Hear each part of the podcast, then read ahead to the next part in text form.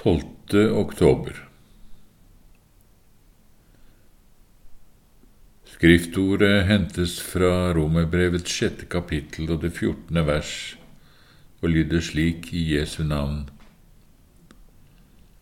Synden skal ikke få herske over dere, for dere er ikke under loven, men under nåden.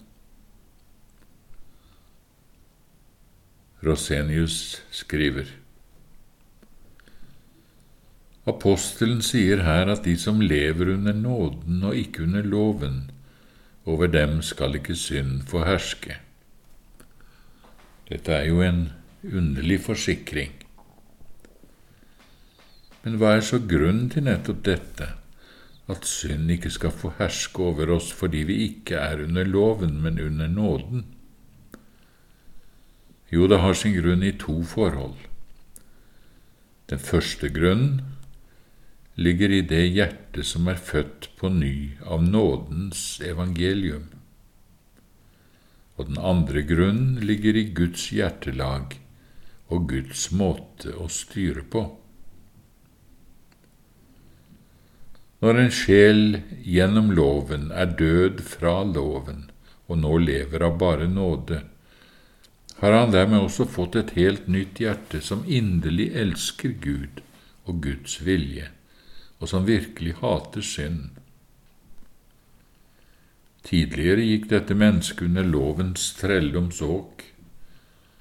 Han eide ikke syndenes forlatelse og så bare Guds trusler på grunn av syndene sine. Han kunne ikke elske Gud og hate synd.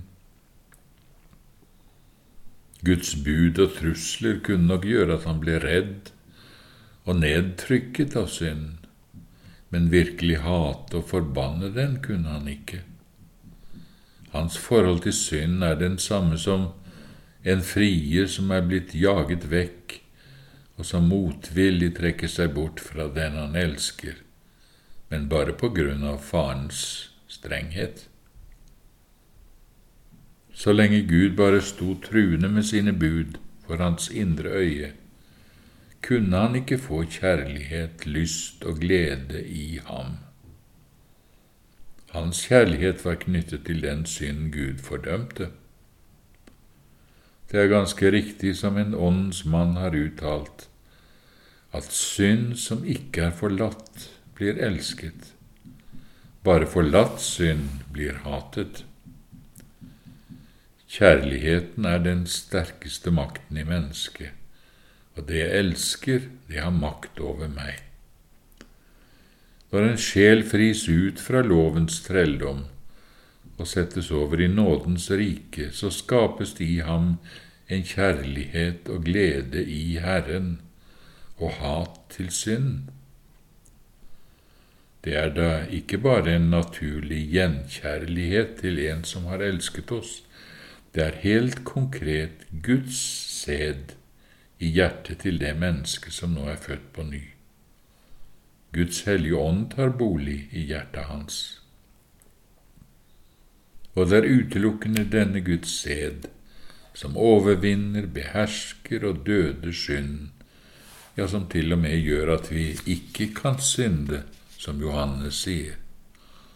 De kan ikke lenger trives i synd, og kan derfor ikke stille lemmene fram til tjeneste for den og da hersker heller ikke synd over oss. Dette er det første vi skal legge merke til for å forstå vår tekst. Men her er også en annen hemmelighet. Når apostelen sier at synd skal ikke få herske over dere, for dere er ikke under loven, men under nåden, så har dette løftet sin grunn i noe mer enn vårt nye hellige sinnelag. Det har sin grunn i Gud selv. Når et menneske gjennom loven er død fra loven og har fått all sin trøst i Gud og Guds nåde, da lever de i det svake og barnlige avhengighetsforholdet som Gud har lovet å ta ansvar for. Apostelen sier i 2. Korinterbrev 12 når jeg er skrøpelig, da er jeg sterk.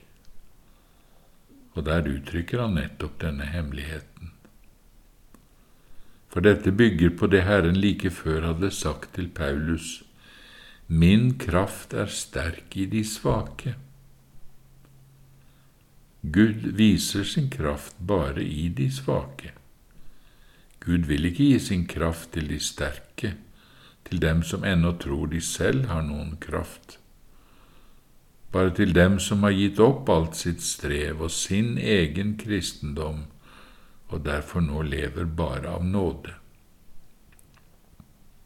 Men de som er under loven, som ennå ikke er blitt utmattet og knust, men ennå tror de selv kan gjøre noe for at synd ikke skal få makt over dem, de kjemper ennå i egen kraft. Ja, riktignok ber disse også ofte om å få Guds kraft, men det vil være i strid med Guds visdom og hele Hans frelsesvei med menneskene som alt sammen er av bare nåde uten noen som helst fortjeneste. Det kan han ikke gi dem i den tilstand de nå er i, hvor de ennå håper på å makte noe i sin egen kraft. Da er de jo ikke dødet av loven, da lever de ikke bare på nåden. Den som ser mer på det ytre livet hos et menneske som er sterkt i seg selv, kan nok ta feil og synes at også denne eier Guds kraft mot synden. Men Herren sier dette bare er en utvortes renhet og skjønnhet, som de hvitkalkede gravene Jesus sammenlignet med.